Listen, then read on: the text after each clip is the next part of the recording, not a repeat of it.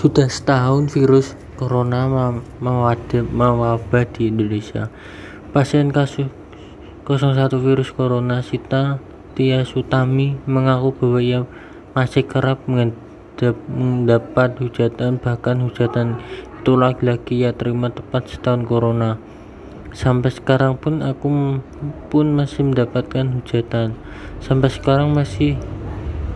sekarang ini masih ada satu tahun apalagi satu tahun corona ini jadi orang-orang masih mencari lagi siapa yang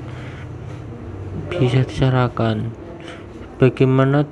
diketahui Sita dan ibunya diumumkan sebagai pasien pertama corona oleh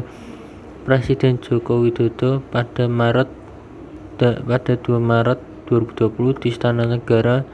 Mereka kemudian dirawat selama dua minggu lebih di RSPI Suryanti Sarosa selama perawatan itu Sita mengaku sempat drop karena stres menjadi bahan perguncingan warganet media sosial